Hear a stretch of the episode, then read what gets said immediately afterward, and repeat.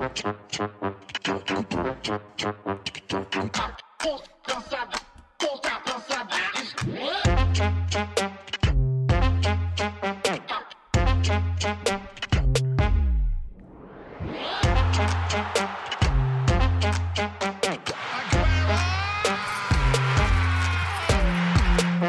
Velkommen til anden halvleg af Fodbold FM, hvor jeg stadig har besøg af Peter Frohlund, kommunikations- og brandingdirektør i Arbejdernes Landsbank, og vært på TV2 Sporten, Jon Pag.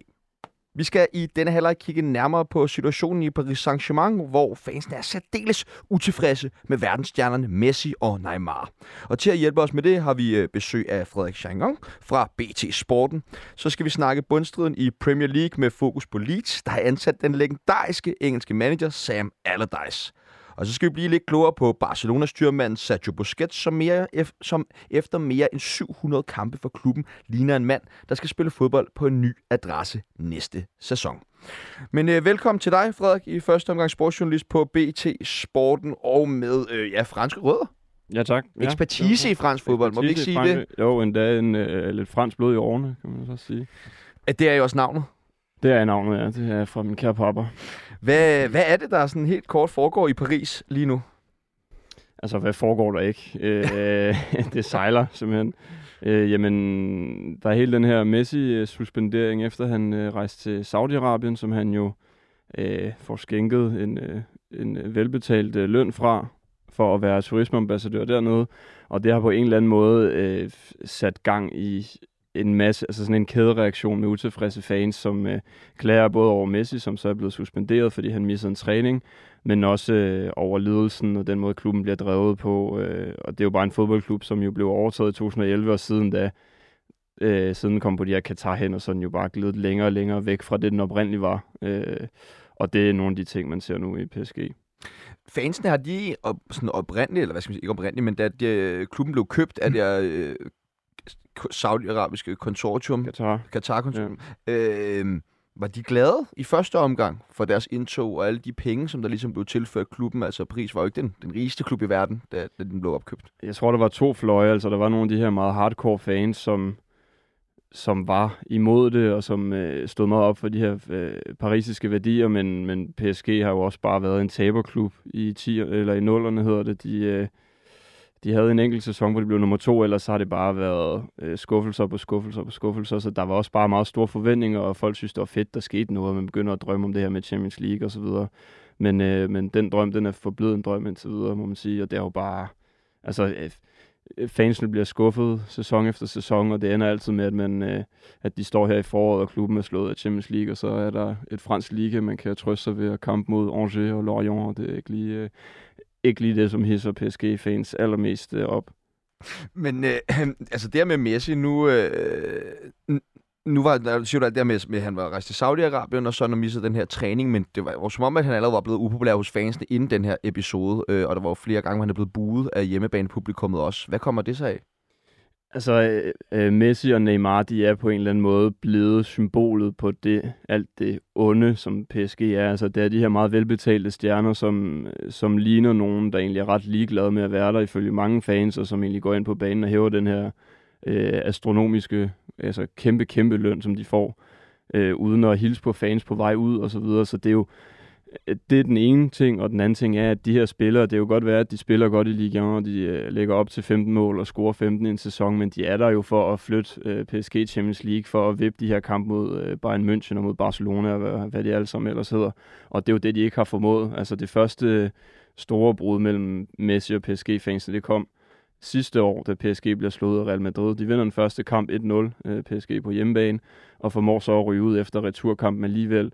Og netop efter den her returkamp, hvor spillerne ikke lignede nogen, der gad, der ikke gav sig selv, der ikke gav sig nok på banen og sådan noget, der begyndte øh, fansene at bue af, af Messi i et, øh, en kamp mod Bordeaux. Og jeg tror, Messi, øh, uden at kende ham, han har jo også lidt, måske lidt personlig stolthed og så videre, så han gav også meget hurtigt de her fans en kold skulder, og det gjorde bare, at de her øh, relationer mellem de to fløje aldrig rigtig er blevet bedre i virkeligheden.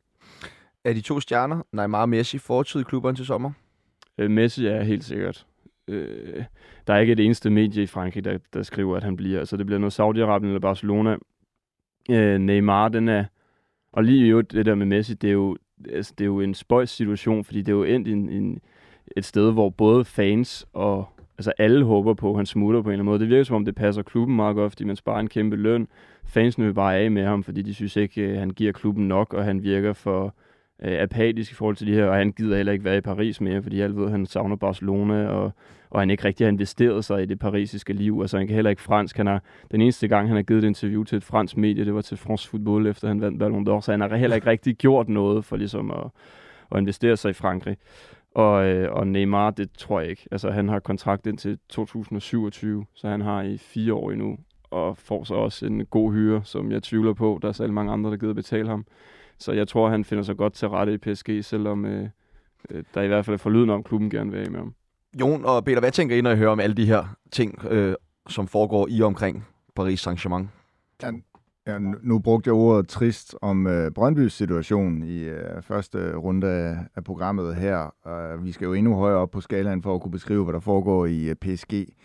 Men for mig at se, er det jo også... Det er jo ikke engang en kulmination, men det, det, det, jeg synes jo, det kommer lidt sent, det her. Fordi hvis vi isoleret set kigger på Messi, øh, den, eller i hvert fald en af de største fodboldspillere i historien, at hans karriere på den her måde skal blive sådan et patetisk magtspil mellem Saudi-Arabien og Katar, og så en, øh, en, en fanbase i Paris på, på, på siden. Det er jo næsten ikke til at, at holde ud og se på sådan, som objektiv øh, fodbold. Elsker, jeg kan næsten ikke have det. Altså den der groteske video af ham, som blev optaget på højkant af, med en mobiltelefon, hvor han står og undskylder for at være taget ned til Saudi-Arabien, og han står og undskylder til Katar, Øh, jeg tror mere, det handler for ham om at sige undskyld til, til, til klubben og de der sheiker, der, der ejer den frem for fansen, som han jo er bedøvende ligeglad med. Altså, da han tog fra Paris til Paris Saint-Germain, stor grad på det der pressemøde, dukker så op i Paris, og har ikke været til stede på noget som helst tidspunkt. Det er, en, det, det er et stort politisk spil mellem nogle sheiker nede fra den persiske bugt. Jeg kan, altså, jeg får næsten, undskyld, jeg siger, men jeg får fandme næsten kvalme af det. Altså, jeg synes, det er så langt ude. Så håber jeg, øh, at, at, at det her det kan være startskud på, at man indser, at sådan en, en, en bastard som PSG jo er blevet netop fordi, at PSG er en del af en liga, hvor spillere af Messi størrelse, Neymar størrelse, Ramos' størrelse, aldrig nogensinde vil komme til, med mindre de fik de her milliarder, de får af de her sheiker. Der skal man finde en anden måde at være relevant på. Man kan ikke bare opfinde en klub i et land, hvor man så vil, altså bare for at vinde Champions League. Du mister alt på det. PSG er en elgammel klub. Jeg elsker Paris. Jeg elsker den øh, franske fodboldkultur. Jeg elsker det franske landshold. Så pa- pa- Paris Saint-Germain er alt muligt andet end det der, der foregår dernede nu. Så jeg håber, det er det, det, det på en eller anden måde, altså det bliver så grimt nu også med de her spillere, som er dem, der har den største magt, at, at nogen indser, at det, sådan her kan vi ikke gøre det. Altså på en eller anden måde, så fungerer det i Manchester City også med folkets opbakning. Men det er fordi, at det er en klub, der spiller i England i en liga med nogle helt andre øh, penge og en helt øh, anden økonomi øh, end, end i den franske. Så for at svare på de spørgsmål, så, så som fodboldfan, og ikke som journalist, der, ja, der synes jeg, at det, det er kvalmende at se på. Jeg synes, det er mega ærgerligt med Messi. Hvad siger øh, brandingdirektøren? Jamen altså, jeg, jeg synes faktisk, jeg, jeg sad og tænkte på, at øh, der, der er en stor forskel på, øh, på PSG og City i det her, og hvorfor lykkes det for City, og hvorfor lykkes det ikke for PSG? Altså City har valgt øh, at gå med en, en rigtig dygtig træner, så har man købt nogle engelske spillere, og man har forsøgt en eller anden form for kultur. Den kan man diskutere, det vil jeg gerne sige, men der er en eller anden form for kultur. Set udefra, det ved du meget mere om, det skal jeg skynde mig at sige, men altså set udefra, så ligner det jo, at, øh, at man har, har fløjet en, en hel masse penge til Paris, og så skal der bare købes de største stjerner, uden sådan at tænke mere over det. Også fordi, igen med, med respekt for den franske liga, den er relativt nem at vinde, så projektet har været noget andet. Sådan er det heller ikke i City. Der skal man jo også strække sig for at vinde, øh, øh, hvad hedder det, Premier League og sådan. Så der, der er noget mere, øh, hvad skal man sige, sådan hjemlig øh, battleground, der måske også giver noget opbakning, men det virker som om, man har fuldstændig glemt sådan noget med, altså kultur, hvad for en klub vil man have, hvordan, hvordan skal samspillet være med fans og alle de her ting, og simpelthen bare sagt, vi skal have et Champions League-trofæ, og til det, der betaler vi de største spillere den pris, de, de skal have, eller den pris, de vil have for, for at komme til, og, og, og så forsøger vi. Og det er sådan lidt uundgåeligt, at når det ikke lykkes, så kommer der på et tidspunkt nogen, der sidder og siger, hvad er det, vi kigger på? Og det er vel det, der sker nu. Altså, der sidder en hel masse og siger, altså, gider vi se, gider vi se på det her? Øh, det gør vi egentlig ikke. Øh, og, og det er jo, altså for mig at se sådan lidt uundgåeligt, når, når, når Champions League øh, Øh, trofæerne ikke er kommet. Og det tror jeg så til gengæld øh, ville have forlænget det. Øh, altså havde man vundet noget af det, så havde man haft, øh, så havde man haft lidt mere øh, medgang i en periode. Men jeg tror, Altså når man prøver at skabe noget uden kultur alene på baggrund af penge, det tror jeg simpelthen bare er en, en tækkende bombe, der springer på et tidspunkt, og det virker som om, det er det, der sker. Og det bliver interessant at se, hvad der sker øh, efter sommerferien, fordi hvordan skal det her fortsætte? Det, det, det, det næste kapitel i bogen skal jo skrives, og laver man den samme fejl, finder de største, eller, eller skiller man sig af med nogen og prøver at bygge noget, noget, noget op på en anden måde, det, det synes jeg bliver utrolig interessant. Men man står nu, synes jeg, ved et sted, hvor man er nødt til at træffe nogle, nogle store beslutninger, og de bliver interessante. Det er jo sådan, altså forskellen for mig at se på PSG og Manchester City er også bare, at, at i Paris der er det jo bare stjernernes regime. Altså det er Messi og Neymar og Mbappé og så videre, der bestemmer. I Manchester City der er det noget andet, ikke? Der er det Guardiola, der er det den sportslige ledelse, der er mere inde over. Altså en del af den krise, der er i PSG lige nu, det er jo netop også, fordi de her sheiker ikke har været gode nok til at øh, hvad skal man sige, fremhæve den her historie, som PSG har. Øh, fansene de jo for eksempel meget utilfredse med, at øh, billetterne bliver dyrere og dyrere, og nu overvejer de at flytte fra Parc des Princes, som jo er klubbens historiske stadion, til Stade de France osv., så, så det er netop på vej væk fra de her værdier. Der er også indført nogle ting i, øh, på den ene tribune, der hedder Tribune Boulogne i Paris, hvor øh, fansene har fået viden om, de må ikke stille sig op under kampene, og de må ikke have for ultraslignende tøj på, og de må ikke have flag med og sådan noget. Så det bliver noget, hvor den her klub bare vil styre øh, PSG og øh, fans og så videre udad til, og det er noget af det, som, øh, som de her fans, de, øh, de går imod nu. Øh, der var også en kæmpe sag i medierne den forgangne uge i Frankrig med en tidligere PSG-spiller, Jérôme Rodin, som har et, et stort radioprogram dernede og har stadig en del forbindelser i klubben, som... Sur på Messi. Meget, meget sur på Messi. Han er rasende, men han har så talt med en spiller, øh, som en unavngiven spiller, siger han, som stadig har kontrakt med klubben i lang tid og været der i mange år og sådan noget, som sagde til ham, om den her klub havde jo ikke nogen historie, før vi kom til og spiller der, der nu. Så det siger måske også noget om den holdning, nogle af de her spillere på holdet har til det projekt, de ligesom selv er en del af og skal være med til at bære jo i virkeligheden. Det er også en frisk melding, hvis man godt vil være populær, ikke? Altså, det, det, det er en kæmpe del af problemet. Sådan noget der. Men det er jo interessant også nu, når vi sidder og sammenligner med Manchester City, altså som jo i, i bund og grund, med da det hele de her nye penge kom ind i klubben, havde de jo egentlig ledelsen på plads, før at de begyndte at hente alle de store stjerner ind. Altså man tog sådan en som uh, Chiki Bergistein, er det den hedder? Berg, Bergistein, de, jo, fra, som også kom fra Barcelona, ja. øh, som sportsdirektør jo, og så øh, ellers fik Guardiola ind et par år efter ham. Øh, Jon, du markerede før. Jamen, det var egentlig bare lige for at understrege, at det ikke er, fordi jeg sidder og moraliserer over, øh, hvad kan man sige, samlet set ørkenstaternes indtog i fodbold. Jeg synes ikke nødvendigvis, det er noget positivt, men jeg moraliserer det heller. Jeg vil heller ikke moralisere over det. Det, det jeg synes, nu sagde jeg kvalmende, det bliver, at man tager en fodboldklub som PSG og skaber en bastard. Og det er der, det er det, der er afgørende øh, i forhold til forskellen til Manchester City.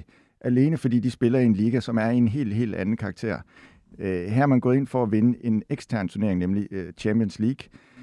Og så øh, håber de der kæmpe stjerner ser sig selv i øjnene. Øh, jeg ved godt, at vi aner ikke, hvad der foregår oppe i de, de luftlag der. Men det er jo ikke kun Messi. Altså, han, det er jo bare, fordi han er den bedste i verden, at det er ham, vi, vi sidder og taler om. Det er jo også alle de andre, altså Neymar og Sergio Ramos og alle dem, der har været igennem hos øh, PSG øh, igen for at gentage den pointe, at, at, at det bliver en eller anden genstand for, at, at, at, at øh, man sådan samlet set øh, lige stopper op og, og ser sig selv i øjnene, men det, det må så sige, at det ikke er noget, jeg tror øh, ret meget på. Prøv, jeg, vi har været en lille smule inde på det, men altså, kan jeg overhovedet se det her projekt fortsættes? Altså, Ja, selvfølgelig kan ja, ja, altså, ja. Man kan meget med penge, og man kan meget med, hvis man lægger en, en plan og justerer ind. Men har man lyst til det? Altså sidder der nogen, er der en idé i at drive det her videre? Ja, det synes jeg da også, der er. Ja, altså, de ligner ikke nogen, der er på vej væk. Øh, øh, hvad hedder det, QSI, som de hedder, men det er første gang, der er sådan det sted af fans derude og håbe på, at de sådan smutter, og nærmest heller vil have en, øh, en midterklub i Liga, øh, som jeg havde for nogle år siden. Der var selvfølgelig meget af den her investering, som Katar foretog i PSG, der var bundet op på VM, der nu lige er overstået, ikke? Og have Messi og Mbappé, og de spillede begge to finalen og så videre, så jeg tror ikke, de er på vej væk.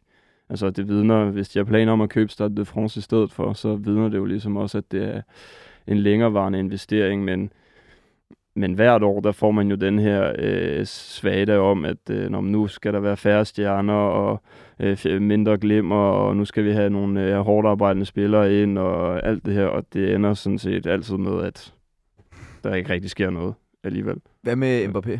Hvor efterlader det ham? Alle de her problemer, som der er i, i den her klub? Altså, man kan jo sige, at han er jo den ubestridte konge nu i den der klub. Han er jo med længder øh, mere populær end Neymar er, som har gjort sig meget upopulær på grund af en masse øh, forskellige skapader i tidens løb, og så er Messi på vej væk. Så altså, Mbappé han har kontrakt et år mere, og så kan han forlænge yderligere et år. Der er ligesom en option i kontrakten, han kan forlænge, hvis han har lyst. Så han har potentielt to år tilbage.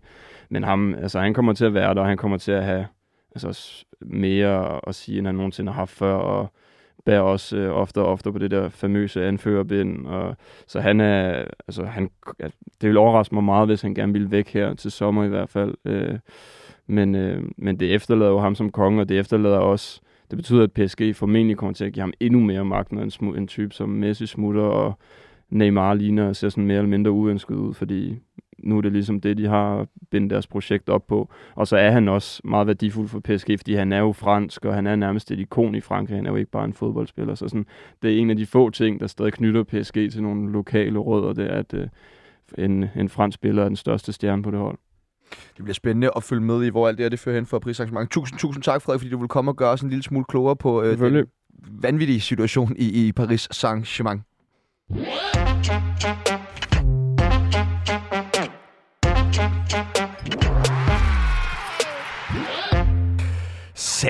Allardyce er netop blevet udnævnt til ny træner i Leeds United, og det bliver dermed et comeback til trænergærning efter to års fravær. Karrieren har budt på et hav af klubber, både som spiller og træner. Som benhård og fysisk forsvarsspiller husker man ham bedst for hans syv år i Bolton, men han nåede også bemærkelsesværdige perioder hos Millwall og Preston North End. Som manager blev det også til en lang periode hos Bolton, inden turen gik videre til traditionsrige klubber som Newcastle og West Ham, og karrierens højdepunkt kom lige så pludseligt, som det forsvandt igen, da Big Sam blev udnævnt til landstræner for det engelske landshold i 2016, men blot nåede en enkelt kamp i spidsen for The Free Lions, inden en sag om korruption gjorde, han måtte trække sig. Han er på mange måder en klassisk engelsk træner, der svæver til kick and rush fodbold. Og nu har den legendariske manager fået til opgave at redde traditionsholdet fra Leeds i den utrolig tætte nedrykningskamp. Hvad tænker I, når I hører navnet Sam Allardyce? Mm, jeg, jeg, jeg synes, at jeg, jeg, jeg synes, for at være helt ærlig, at, at øh, jeg, jeg diskuterer tit med mange det der med, at øh, Premier League er den bedste liga i verden og har det bedste fodbold og sådan noget. Det, det, det er jeg enig i, hvis man tager topholdene. Men at en manager som Sam Allardyce, og vi kan godt tage, tage, tage flere andre af de der, Jørg uh, Hodgson, der er kommet tilbage til Crystal Palace, at altså, nogen kan begå sig, vi, vi ser dem i Steve klubber Bruce stadig. Og... Steve Bruce, og nu Neil Warnock med på, at det er Huddersfield, han er, men altså, det er samme type. Og altså, det er et udtryk for, at engelsk fodbold, i, når du kommer væk fra topholden, er ret simpelt, fordi de kan ikke ret meget. De kan sætte øh, en, en, en vildt stram øh, defensiv organisation, og så kan de slås for det. Og, og det kan man helt ærligt komme langt med. Han har jo, Big Sam, gode øh, erfaringer med at undgå nedrykning. Det bliver svært for Leeds, men, men det kan være, det lykkes. Øh, det samme for Roy Hodgson. Han er, han er for mig en af de der manager, som, som, som beviser for os, at så er de altså heller ikke bedre øh, i Premier League, øh, i hvert fald når man kommer væk fra top 6-7 stykker. Hvad med dig, Jon? Har du nogen, for, nogen forhold, nogen relation til Sam Allardyce? Ja, det har jeg.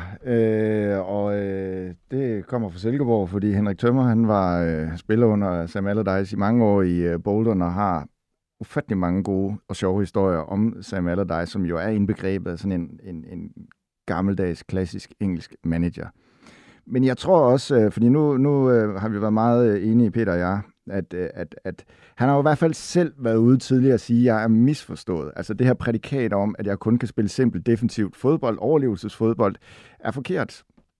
Og det, det hører også med til historien, at han faktisk igennem tiden har været en af de trænere, som har været innovative omkring øh, at udvikle træningsmetoder, taktiske greb osv. Så, så jeg tror, der er øh, en græn af, af sandhed i det, når han siger, at han er misforstået, og, og den der kliché har hængt fast ved ham. Som jo også bunder i, synes jeg, at han er, som han er, og fremstår, som han gør, ikke? Fordi det der pressemøde, hvor han bliver øh, præsenteret, og sidder og siger, at, at, at, hvis han ikke er på niveau, så er han jo måske endda bedre end Klopp og, og Pep. altså, der fremstår han jo som den der fulde onkel. Ja. Øh, og man tænker, hvorfor sidder du og siger det? Altså, øh, det tror jeg så i øvrigt... Øh, jeg, jeg tror, man lidt nemmere tager sådan noget i England, end, end vi vil gøre i Danmark, fordi det, det, det blev jo sådan lidt morsomt at sidde og se på. Øh, men min pointe var egentlig bare, at, at øh, jeg, jeg tror, der er en græn af sandhed i, at han, at han er øh, misforstået. Eller i hvert fald, at, at man ikke skal dømme ham så hårdt, som, som man kan gøre alene baseret på den måde, han fremstår på, men også de jobs, han har haft, som jo ofte har været sådan nogle øh, overlevelsesjobs i øh, Premier League, og selvfølgelig også de øh, hvad, hvad kalder man sådan noget, skandaler, han har været involveret i. De hænger også lidt fast, synes jeg, når man tænker på Sam Allardyce. Hvad er fidusen i at hive sådan en mand som Sam Allardyce øh, ind? Øh, fordi altså, nu tænker jeg bare på, at lige de rykkede op her for to sæsoner siden. Altså, der havde de jo Bielsa som træner, som har sådan meget fast øh, koncept og ved noget sådan helt andet. Øh, og ligesom har haft en spillertrup efter det. Så har man haft Marsh efterfølgende, som også spiller væsentligt mere fodbold, end hvad i hvert fald, hvad, hvad, hvad man normalt kender Sam Allardyce for, eller i hvert fald hvad for et prædikat, man plejer at putte ned over ham. Så, så, så altså, hvad ligger i, i, at man går så langt væk fra, hvad man ellers har haft af trænere? Er det bare sådan en... Det er desperation og ikke noget som helst andet. Altså, det er så dyrt at rykke ned fra Premier League, øh, og det er så svært at komme tilbage til Premier League, at man vil gøre rigtig, rigtig meget for at undgå det. Og der tror jeg, man kigger på, at han har rigtig god succes med at undgå at rykke ned. Han er rigtig god til at få en øh, stram defensiv organisation, som har været Leeds' helt store problem øh, her på det sidste. Så jeg, jeg tror simpelthen, øh, jeg, jeg tror, det er desperation, og så kigger man og siger, hvad, hvad, hvad kan vi gøre? Hvordan kan vi bedst muligt øh, forsøge at, at undgå at rykke ned? Og der tror jeg, at investeringen i at ansætte ham og fyre den anden er så lille i forhold til det, det koster at rykke ned, så så tager man en, en, en chance. Men altså, jeg, jeg synes, hvis man har set lige et spil, og nu skal jeg skynde mig at sige det, for der kommer en, en, en fan igennem øh, lidt senere, men, men altså, det er jo heller ikke fodbold, de har spillet det sidste stykke tid. Altså, det, det er jo 11 udsmider i en hvid trøje, øh, og, og altså, jeg, jeg, jeg tror ikke, det gør noget godt for noget fodboldhold, at man bliver ved med, øh, hvad er det, den fjerde træner i år, altså det, til sidst, så kan de jo ikke andet at løbe og sparke. Der kan ikke være nogen taktiske greb, fordi øh, altså, man har ændret så meget. Så det er en svær opgave, og det, det er et, et, et svært, en, en, en svær situation, han er i. Men jeg tror simpelthen, det er desperation og ikke noget som helst andet. Det er meget, meget dyrt at rykke ned. Jamen, jeg synes faktisk bare, at vi skal øh, byde velkommen til øh, Jørgen Simenes, som jo øh, er forfatter, der blandt andet står bag bogen, øh, Leeds-bogen We Are Home, øh, og også tidligere har en, en fortid som øh, fodboldspiller i Horsens. Velkommen til dig, Jørgen. Tusind tak for det. Og tak fordi vi lige øh, måtte ringe dig op her øh, med mig. Der har jeg øh, ja, Jon Pag og øh, Peter Frolund. Jeg vil, jamen, altså, først og fremmest, hvad tænker du om den her ansættelse af Sam Allardyce? Jamen, jeg ser det jo som, øh, altså da jeg hørte om det første gang, der, der tænkte jeg lidt, om det virkelig kunne være, kunne være rigtigt, at, øh, at vi skulle grave Sam Allardyce frem igen. Øh, da jeg så øh, fik tænkt lidt over tingene i lidt tid, øh, inden det blev offentliggjort, så tænkte jeg, at at det måske et eller andet sted er, er det helt rigtige for Leeds i den, i den situation, klubben er i, at man henter en stor mand ind, øh, som, som fylder noget i omklædningsrummet, og som øh, kan sætte nogle store ord op, og, og ligesom øh, få den her respekt, som spillerne helt åbenlyst har manglet under Gracia og også under Jesse Marts øh, i rigtig lang tid. Så, så vi kunne ikke bare putte en hvem som helst ind, så, så, så skulle der puttes noget ind, så tænker jeg, at at, øh, at det her øh, at det er et, et godt valg, og, og jeg har det i hvert fald sådan i min, øh, i min mavefornemmelse, at øh, chancen for at overleve igen i endnu en sæson i sidste øjeblik, den er væsentligt større, end hvis vi havde fortsat med, med Gracia. Så, så det her, det ender jo med at være en genial handling, eller lidt pinligt, tænker jeg lidt, i forhold til, at man henter sådan man ind. Øh, så sådan har jeg det lidt i forhold til det her. Og det må vi jo lige vente nogle tre kampe med, ligesom at kan afsløre. Mm. Ja, for det er jo netop det. Der er nemlig tre kampe tilbage for Leeds i den her utrolig øh, spændende nedrykningskamp i Premier League, som jo tæller ja, Southampton på 20. pladsen, Everton på 19. pladsen, Nottingham Forest på, på 18. pladsen, øh, på 18. pladsen. Og det er jo alle tre hold, som spiller lige her øh, og, og i aften. Øh, og så har øh, ja, Leeds, de mangler jo tre kampe, og det er jo så mod Newcastle, West Ham og Tottenham. Altså, det er jo ikke ligefrem nogle øh, nemme kampe, modsat for eksempel ja, Nottingham Forest, som har Southampton her senere i dag, og så et vakkelvogn Chelsea-hold. Lidt svær kamp for Arsenal, og så Crystal Palace øh, til sidst. Men hvordan vurderer du ligesom lige chancer i den her nedrykningskamp? De er da utrolig svære. Altså, øh, det er nemlig, som du siger, altså, jeg har jo hele tiden i lang tid kigget hen mod de sidste fire kampe med, med frygt, fordi at øh, vi skal bare have, have, have en masse point på kontoen inden, og det har vi jo det har vi jo ikke fået. Altså i de kampe, vi har spillet her i 23, der har vi kun tre sejre i 19 kampe. Og, øh, og, så, og, og Newcastle, de, øh, det er jo et, øh, et vanvittigt fysisk stærkt hold, som, som let kan straffe Leeds, selvom det er hjemme på, på Ellen Road, ikke? og West Ham ude, det har vi aldrig kunne håndtere. Og Tottenham i den sidste, det er jo også, altså det er jo, det er jo nogle voldsomme, øh, voldsomme øh, hold, vi, vi skal møde, men Sam Allardyce har jo ligesom kigget på de to sidste kampe og sagt, at, at øh, hvis, vi skal, hvis vi skal det her, så skal vi have seks point øh, i, ude mod West Ham, og så hjemme mod, mod Tottenham på, på et elektrisk Ellen Road, som kan være elektrisk, når det virkelig gælder. Men, øh, men altså, det er da utrolig svært. Så, så jeg tænker sådan noget 30-70, øh, tænker jeg lidt i, øh, i chancefordeling. Så, så det er jo ikke så positivt øh, at sige det på den måde som kæmpe Leeds-fan, men, men det er sådan, jeg kigger lidt på det lige nu. Peter, du har også kæmpe aktier i den her øh, nedrykningskamp, eller i hvert fald aktier i den her nedrykningskamp her i forhold til din relation til øh, Nottingham Forest. Øh, hvordan ser du deres chancer i den her nedrykningskamp? Forest? Ja. Jamen altså grundlæggende så tror jeg, at øh, hvis Forest skal have noget at snakke med nogen om, så skal de vinde i aften. Og gør de det, så, så vil jeg til gengæld også sige, at så, så begynder det at se fornuftigt ud. Så er de over, over stregen, har dog en, en, en ret dårlig målscore, men, men, men så har man en fornuftig chance nu, kunne jeg se, at Leicester øh, tabte 5-3 her for lidt siden. Øh, så, så, så de er jo i hvert fald også stadig, øh, stadig i det, og, og altså, Øh, jeg synes egentlig, Forest har, har okay øh, muligheder, hvis de kan vinde i aften, hvilket man bør gøre hjemme mod, mod dem, der ligger allersidst. Og i øvrigt et af de eneste hold, Forest har slået på udebane, for det ikke skal være løgn. Der, der er ikke mange point hentet væk fra City Ground, så jeg synes, altså vinder de i aften, så, så jeg synes jeg egentlig, de er okay med. Jo, Jon, hvem er du mest fidos til i den her øh, nedrykningskamp? Eller er der nogen, du også tænker, ej, ja, men, men det er også mere, fordi jeg kigger på det udefra. Jeg synes jo for eksempel, at øh, Everton hører med i Premier League. Så, så jeg vil bare som en neutral fan synes, det var ærgerligt, at øh, Everton øh, skulle rykke ned. Og så har jeg det jo sådan, at øh, selvom jeg er yngre end Peter, at, at jeg har vokset op med Leeds. Og jeg har voldsomt mange venner, der er Leeds-fans, som er blevet det, fordi deres fædre var det. Og, og er jo, var jo også øh, voksen, da Leeds var med i Champions League og så videre. Så jeg synes jo, det har været fedt at have dem tilbage i øh, Premier League, og et eller andet sted, så sidder jeg og håber på, at det kan lade sig gøre med øh, Sam Allardyce, og det ender med at blive en genialitet at tage øh, den her dinosaurus ind, som vi synes, han er i Danmark. Det er jeg ikke sikker på, at de synes i England. Altså, de har lidt større tradition for at have ældre manager, end, end vi kender til i, i Danmark.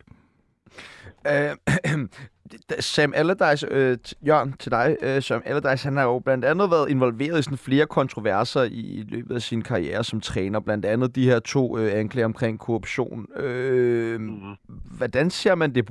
Altså, er det noget, man ligesom tænker over, når øh, der bliver ansat en træner i ens klub? Ja, altså, jeg synes også, det, ja, det, det gør jeg rigtig meget, fordi at øh, mit hjerte, det, det bløder jo i retning af, at vi har haft øh, Mr. Fairplay over dem alle, Bielsa, øh, som har fuldstændig forandret vores klub øh, fra, fra 18-19-sæsonen, og, øh, og alt det, vi lige pludselig blev forkælet med, det er jo på rekordtid nærmest væltet om kul, så vi er jo, vi er jo lidt op imod, at vi bliver udsat for lidt af hvert nu her igen, ikke? Og, og, og jeg synes da nok, at, øh, at, at de der beskyldninger, han har været udsat for. Sådan noget. er ikke noget, der pynter, men omvendt kan man jo sige, at som jeg også hør, hørte jeg snakke lidt om, at, at øh, det koster så utrolig mange penge at rykke ud af Premier League, så, så jeg har sagt, jamen, øh, lad os gøre alt, hvad vi kan, næsten uanset hvad, for at se, om ikke vi kan undgå det. Og så må vi så se, om, øh, om ikke der står en, en anden spændende manager øh, fra, fordi at, at der er jo amerikanske ejere. Vi vil jo gerne spille ligesom Bielsa og Jesse Marks egentlig også, altså lidt, øh, fremadrettet underholdende og højt pres og sådan noget. Det er jo egentlig det, DNA Elites har fået. Og, øh, og det håber jeg rigtig meget, det kan komme tilbage. Men, øh, men det kræver altså, at, øh, at Sam han lige redder os mirakuløst. Og, øh, og det tror jeg faktisk, jeg, jeg tror stadigvæk på det. Og, og Leeds er jo også som Everton en kæmpe klub, som jeg synes vil være ærgerligt. Og det mærker jeg heldigvis også, at der er rigtig mange, øh, også ikke Leeds-fans, der egentlig synes, at Leeds har gjort det rigtig godt øh, i, i noget tid, øh, i hvert fald under Bielsa, og det, det er lidt ærgerligt, hvis ikke vi kan komme tilbage til den stil igen. Men, øh, men altså, jo, nu var du lige på det med, at man, man kunne næsten ikke bære under være et hold som, som Everton, som neutral tilskuer. I, i, øh, det er bare fordi, hvis man lige kigger ned over de fem hold, som er med i den her, så er det jo alle sammen nogle historisk mm. store, store klubber. Nu er Nottingham Forest nok dem, hvor det er længst tilbage i, i historien i forhold mm. til deres Europa Cup sejr der, som vi jo sjældent undgår at høre om, når de bliver bragt op. Men altså, vi snakker jo Leicester, Leeds, Nottingham Forest, Everton og Southampton jo, som alle sammen har været en del på den ene eller anden måde af, af Premier League, siden det startede tilbage i, i starten af 90'erne. Altså, øh, hvem kan vi bedst undvære? Ja, men, jo, det var en svær en, øh, Sebastian, fordi jeg fik jo også helt dårligt som vidtighed over, at jeg ikke uh, nævnte Nottingham Forest, og nu Peter sidder ved siden af, som selvfølgelig også er en historisk stor klub i, i, i England.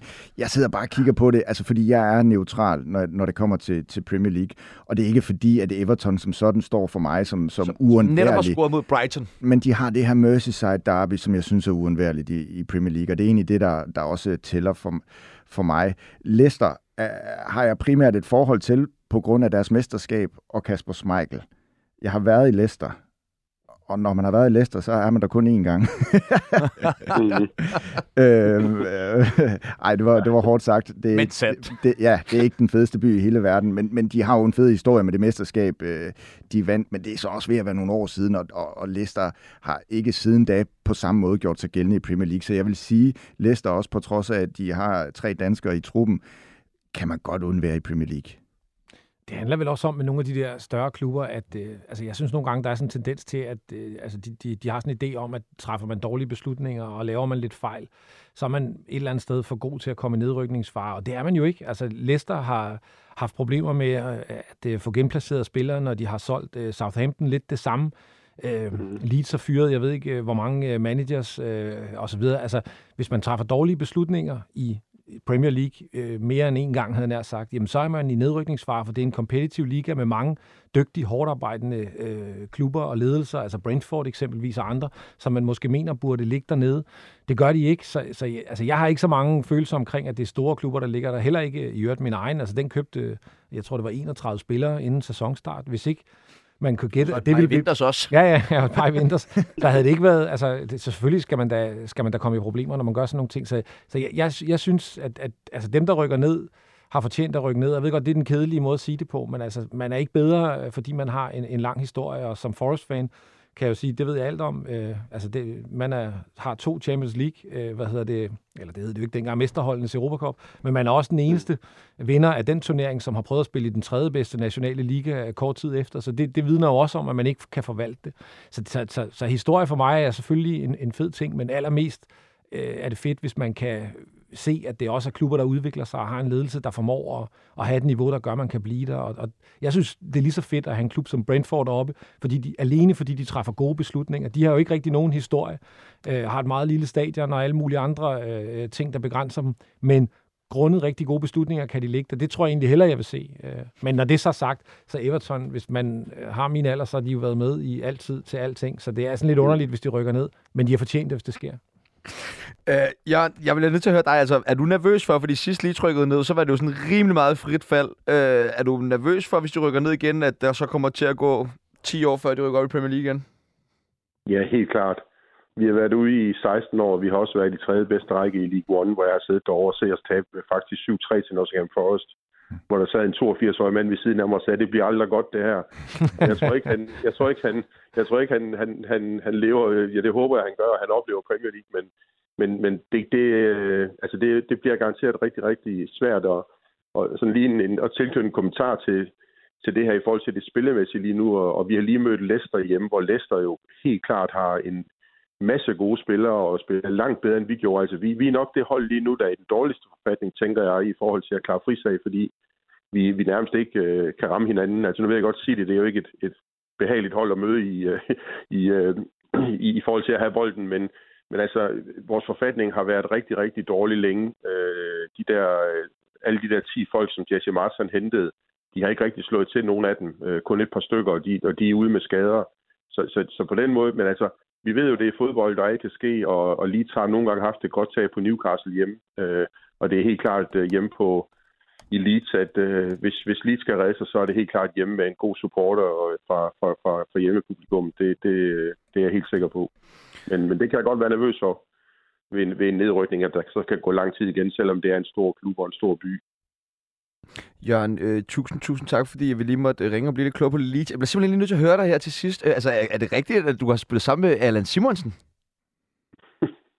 tak for spørgsmålet. ja, det, øh, jeg var så heldig, at Ole Fritsen ringede til mig i, øh, i januar 83 og spurgte, om jeg ville prøve på højeste niveau, fordi jeg har spillet i Horsens altid, og, og det valgte jeg jo at sige ja til, selvom det svarer til at skifte fra Manchester City til United. Men, øh, men det, det kunne jeg ikke uh, lade være med at sige ja til, og det var så det år, hvor Allan kom hjem fra, fra Barcelona og et lille ophold i Charlton, at, at jeg så fik en hel del kampe sammen med ham i, i 83. Det var, så det er rigtigt, det var en kæmpe oplevelse. Og møde ham stadigvæk i VB Veteranklubben første mandag hver måned, så det er rigtig hyggeligt. Jørgen, Jørgen, den historie skal du ikke underspille på den Nej, måde. Det, Nej, det synes jeg da heller ikke. Men det var også derfor, jeg tænkte, at Ej, hvis det var rigtigt, så skulle man også lige have lov til at fortælle den her i fodbold, det er i hvert fald. Åh, oh, tak for det. Selvfølgelig. Tusind, tusind tak, fordi vi måtte ringe til dig, uh, Jørgen, og held og lykke til. Tak, tak for, for det. Tak for det. Det er godt.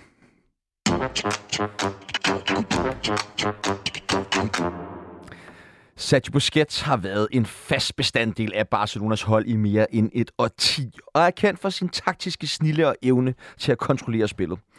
Han er en af de eneste spillere, der er tilbage fra Guardiolas legendariske Barcelona-hold. For tiden der er der stor usikkerhed omkring hans fremtid i klubben, da Barcelona for nylig har gennemgået den her store omstrukturering efter en række dårlige sæsoner, samt de store økonomiske problemer, som gennemsyrer klubben, og er med til, at øh, Barcelona konstant skal reducere lønningerne på holdet. Busquets er en af de højst betalte samt ældste spillere i klubben, og kan muligvis være en af dem, der bliver nødt til at blive offret for, at klubben kan leve videre. Hvad tænker I, når I hører navnet Sergio Busquets? Jeg elsker jo en type som Sergio Busquets. Nu har vi lige talt om uh, Messi, så jeg håber også, at hans farvel til Barcelona bliver lidt mere øh, ærefuldt end det, som uh, Messi havde. Men jeg tror, at han er færdig i Barcelona, uh, og, og uh, det tror jeg også er fint nok. Han har sådan set været ja, nu skulle jeg til at sige fremragende. Han har i hvert fald været god i den her sæson for dem, og stabil også med den fremskredende alder. Han har, du sagde 34, ikke? Øh, og har jo været en øh, rollemodel bærende figur for det her meget unge FC Barcelona-mandskab, som øh, Xavi han har øh, bygget op, og som jo har haft succes, også selvom der har været bump under, undervejs. Så jeg tror, han er færdig, og så tror jeg, at øh, netop fordi, at han spiller den position, han gør, og han er den her afdæmpede type, så, øh, så kan man godt komme til at undervurdere ham en lille smule, glemme ham en lille smule i forhold til de her store navne, han spillede sammen med og havde øh, succes med i, i mange år, men ikke i Barcelona. Der elsker de ham. Og han kommer til at få en af de der afsked, vi har set før, hvor han står inde på midten af banen og fuld Camp Nou og så videre. Ikke? Ja. Øh, Peter, jeg har nogle gange haft sådan lidt svært ved at øh, se fidusen ved øh, Sergio Busquets. Er jeg alene om den, eller? Ja, Ja, jeg faktisk... Jeg, jeg plejer at blokke dig med Ja, men det kan du godt ikke? lidt, fordi altså, det var vel Busquets, der opfandt det der med, at en usynlig sekser er en god sekser, og der, altså, det, har, det, det synes jeg primært er noget, der gælder dommerne. Men altså, jeg, jeg, jeg synes, han er en dygtig spiller, og han har været utrolig vigtig, og han har jo den der rolle som... Øh, var det Ginola, øh, der lavede øh, fis med Deschamps på det franske landshold, og sagde, han var bare en vandbærer, eller var, nej, det var Cantona selvfølgelig, der gjorde det. Mm. Øh, men, men man har jo brug for sådan nogle vandbærer, øh, der, der, der, der, der tager det hårde arbejde og slider, og det er jo det, han har gjort, og så er han jo, så er han jo en dygtig, dygtig fodboldspiller. Men jeg, jeg kan personligt også godt lide at drille Barca-fans lidt med den der med, at, øh, Altså, at det han primært er god til, det er at være usynlig, og det, det, ved, det ved jeg ikke, om jeg synes nødvendigvis var en af de spillere, jeg ville købe en trøje med. Men altså, han har været god, og der er jo ingen tvivl om, hvad han har opnået, de pokaler, han har vundet, øh, den centrale rolle, han har haft i, i, i Barca's mange successæsoner, øh, øh og i øvrigt også nu, hvor, hvor de jo er igennem en eller anden form for trans, øh, transformation. Altså, det, det, det er jo selvfølgelig en, en kæmpe, kæmpe ting, det er det. Og jeg håber også, at han får en, en værdig afsked. Det er lidt synd, det der, eller synd, det har de jo selv bragt sig i, men, men, men de der økonomiske problemer, der gør, at man sådan skal smide nogle af spillerne ud af bagdøren og finde på alle mulige mærkelige krumspring. Synes jeg er lidt synd for nogle af de her øh, legender, som han jo helt sikkert vil være i, i Barca. Så jeg håber, de kan få det løst mindeligt, men, men hans tid ser ud til at være forbi. Vi har nu øh, Jonas Knudsen fra Lyden af La Liga med på en telefon, som skal være med til at gøre os lidt klogere på, hvad for en spiller Busquets er, og øh, hvad hans fremtid måske bringer. Velkommen til dig, Jonas. Tusind tak. Og tak, fordi vi lige måtte øh, ringe dig op. Hvad, øh, hvad er din øh, relation, eller hvad tænker du, når du hører navnet Sergio Busquets? Jamen, øh, så tænker jeg på... Øh, jeg, jeg tænker to ting. For det første tænker jeg øh, øh sådan, øh, overlegenhed i, i spillet. Øh, jeg tænker visioner. Øh, jeg tænker især det her med at kunne, kunne se spillet både foran sig, bagved sig, øh, rundt omkring sig. Det, det er... Øh, det, det er de her sådan, nøgleegenskaber hos en, øh, en holdende midtbanespiller, som samtidig også er en, en boldførende holdende midtbanespiller, som, øh, som nogle gange er sådan lidt, øh, lidt underkendt, når, når tingene foregår lidt længere tilbage på banen. Fordi, fordi øh, nu, nu hørte jeg lige det sidste af, af pointen her før, og jeg er ikke helt enig i, at, at Busquets er en usynlig spiller. Øh, I hvert fald ikke, hvis man selv har prøvet at spille øh, inde på midtbanen i en fodboldkamp. Så, så, så synes jeg, at man lægger rigtig meget mærke til, hvor, hvor, hvor, øh, hvor, hvor vanvittig han er til at, at tage imod bolden i nogle svære situationer, nogle pressede situationer, og så øh, stort set altid få, få vendt sig det rigtige sted hen, få truffet beslutningerne om, om man skal spille førstegangsafleveringer, om man skal øh, tage en berøring, om man skal vente lidt og lade spillet sætte sig på en anden måde, inden man finder sin aflevering, eller om, øh, om man skal lade spillet flyde. Øh, der er han for mig at se øh, mm, ja, nok sin generations største spiller på, på det parameter øh, i konkurrence med øh, eksempelvis Pirlo. Men Pirlo havde jo en, øh, tidligere karrieren sådan lidt mere frem, fremtræde, eller ja, fremskudt rolle på banen, så, så Busquets er mere en eks- ekspert i det her, og har været det i, i hele karrieren. Men... Og så er han en Guardiola-spiller. Øh, vi må ikke glemme, at det, det er jo Guardiola, der tager Busquets op på, på anden holdet, i, da, da Guardiola er træner for Barcelonas anden holdet i, i øh, Tercera Division og vinder den her øh, den øh, fjerde bedste, øh, dengang spanske række. øh, der, der tager han øh, Busquets ind og, og bruger ham fast, og så lige så snart øh, Guardiola får jobbet i Barcelona, så kommer Busquets med op i en, øh, i en ung alder der, øh, selvom han egentlig ikke var sådan en spiller, som, som Barcelonas ungdomsakademi havde regnet helt vildt med. De, de afviste ham faktisk øh, til at starte med, og så kom han først, da han var, var 17. Og, øh, og så var det altså Guardiola, der, der tog ham med op, og, og det kan man også bare se på hans spil, uh, at, uh, at han er en mand, der ligesom har haft Guardiola som sin første uh, spilmentor. Jeg har kunnet stusse mig lidt frem på diverse fanforer og sådan, at der har været en sådan stigende utilfredshed med, med, med Sergio Busquets blandt øh, nogle Barcelona-fans. Hvad tror du, det kommer af? Øh, det, det kommer af, at han, er, han har jo aldrig været en hurtig spiller, øh, men han er, øh, han er selvfølgelig blevet, blevet langsommere. Øh, det, det, det er sådan lidt svært med Busquets, fordi han har, han har jo aldrig, han har selvfølgelig været, været hårdt arbejdende, men han har aldrig været kendt for at være den her øh, sådan slider, eller hvis man skulle, skulle nævne et, et, et modeksempel på, på en anderledes øh, seksertype, sådan Gattuso, der, der, der farer rundt fra det ene hjørne til den anden bane. Busquets har, har dækket sit område øh, og gjort det mere med sit øh, hoved end med sin, øh, med sin sådan, øh, løbekapacitet. Men alligevel så kan man godt se, at, øh, at nogle gange, især når det kommer op på den, på den højeste klinge, og, og, og modstanderne er, er den bedste karat, jo eksempelvis i, i Champions League, hvor Barcelona øh, jo har floppet de, de sidste par år, også i Europa League mod Manchester United, så har han lige manglet lidt i, i tempoet. Ikke øh, når han øh, får bolden, øh, men, øh, men sådan i at kunne følge med i, øh, i presset. Og det er jo noget af det, som, øh, som Barcelonas Xavi-hold også stadig mangler at vise, det er, at de kan, at de kan gennemføre det her øh, høje pres, hvor man, øh, hvor man får mange bolderobringer længere op på banen, så man ikke altid skal, skal sætte, øh, sætte spillet helt ned fra til stegen. Og der, der har Busquets øh, måske lidt han måske lidt blevet billedet på, at Barcelona har, har mistet lidt, øh, eller ikke har, har fundet den her intensitet under, under Xavi. Hvor stor en øh, legende er øh, Sergio Busquetsen i La Ligas sammenhæng? Øh, han, er, han, han er kolossal. Han er, han er, når han ikke er oppe på niveau med øh, Sergio Ramos, øh, Andres Iniesta, Xavi, øh, øh, for at tage nogle af de spanske landsholdsspillere, som også har domineret La Liga i en lang årrække, så er det fordi, at, øh, at de andre har haft en mere markante udtryk, øh, som, som jeg også var inde på, inden jeg, inden jeg lige kom på her. Det er, det er selvfølgelig en anden rolle, Busquets tager, som gør, at han er en, en lidt mindre stjerne, men øh, der er ingen tvivl om, at han kommer til at blive husket som en, en sådan generationsspiller, en, øh, en spiller, man kan, man kan pege på og sige, øh, det, her var, det her var Busquets fortolkning af rollen som, øh, som, som Barcelonas sekser, og så tror jeg også, man vil nævne ham som, øh, som den bedste sekser i FC Barcelonas historie, og dermed jo også øh, en, en markant skikkelse i spansk fodbold. Og så er der jo det her med, at han har utrolig mange kampe for Barcelona. Han har spillet Barcelona i en æra, der, der bød på ufattelig succeser under Guardiola, og så siden er han jo, jo fortsat med at være en vigtig spiller. Han har det flest El Clasico kampe af alle, øh, noget han opnåede her for, for nylig, så, så det, er en, det er en kæmpe skikkelse i spansk fodbold, og selvfølgelig øh, et enkelt verdensmesterskab og en Europa, øh, europamestertitel under bæltet, det, det gør heller ikke ens øh, status mindre. Nu øh, ligner det jo, at øh, det måske begynder at lakke mod enden for øh, Sergio Busquets øh, karriere i Barcelona i hvert fald. Øh, hvor tror du, han spiller næste sæson?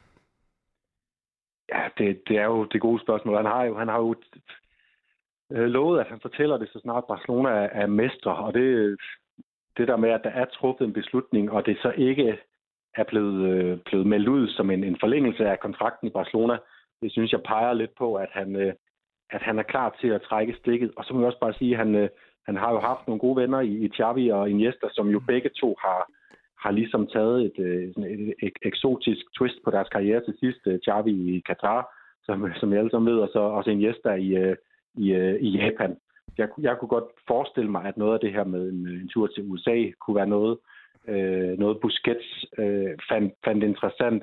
Øhm, jeg tror i hvert fald, det, det, det kommer til at blive et, øh, et, et eventyr uden for Europa, hvis ikke han, Men- hvis ikke han bider i, i det der sure æble og, og tager en, øh, en stor lønnedgang, som er det, der er lagt op til, hvis han skal forlænge med Barcelona, i og med, at der skal frigives nogle lønkroner. Har han et stort nok altså sådan navn? Jeg ved godt selvfølgelig er meritterne, der og de alle ved selvfølgelig, hvem Busquets er, men det er jo stadig lidt noget andet, end at få en ja, det, Ronaldo eller Messi, eller bare Xavi eller Iniesta til sin klub, jo, som jo har en anden klang til sig end, end Busquets. Ja, det er et godt spørgsmål. Altså, hans, hans navn er stort. Øh, han, han har spillet øh, fast altså alle, alle sæsoner, lige siden han blev trukket op som, øh, som 19-årig af Guardiola der i, i 08-09 sæsonen, så har han spillet, øh, hvis ikke over 30, så lige underkanten af 30 ligakampe. Det vil sige, at han har altså han har været fuldstændig indiskutabel på øh, FC Barcelonas første hold i, i 15 år. Så har, man, øh, så har man et navn ude i verden.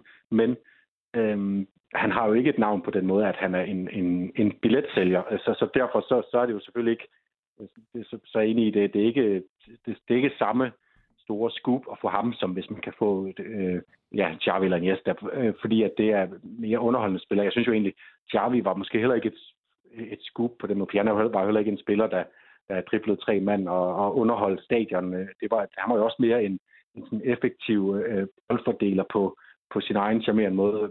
Jeg mindede mere om Busquets, end Iniesta i hvert fald gjorde. Øh, så så det, det er svært at sige. Jeg tror, hvis, øh, hvis man er, er fodboldfan i USA, så, så tror jeg godt, man kan sætte pris på at få lov at se øh, en spiller af Busquets øh, karat spille. Øh, så, så, så kommer det så an på, hvad ens smag er i fodbold. Hvis man har smag for, for den, øh, for den øh, tekniske fodbold, for den øh, boldbegavede fodbold, så, så, så øh, kan man jo bare læne sig tilbage og nyde en spiller som, som Busquets, øh, fordi han kommer jo også med, med en masse kvalitet stadig. Det må vi ikke glemme, selvom han får, får noget kritik fra Barcelona-fans. Det bliver spændende at se, hvor uh, Sergio Busquets fortsætter uh, karrieren. Jonas Knudsen fra Lyden af Liga, tusind, tusind tak, fordi at vi lige måtte ringe til dig, og du kunne gøre os uh, lidt klogere på uh, den her jo legendariske Barcelona-spiller Sergio Busquets. Jamen, velbekomme. Tusind tak.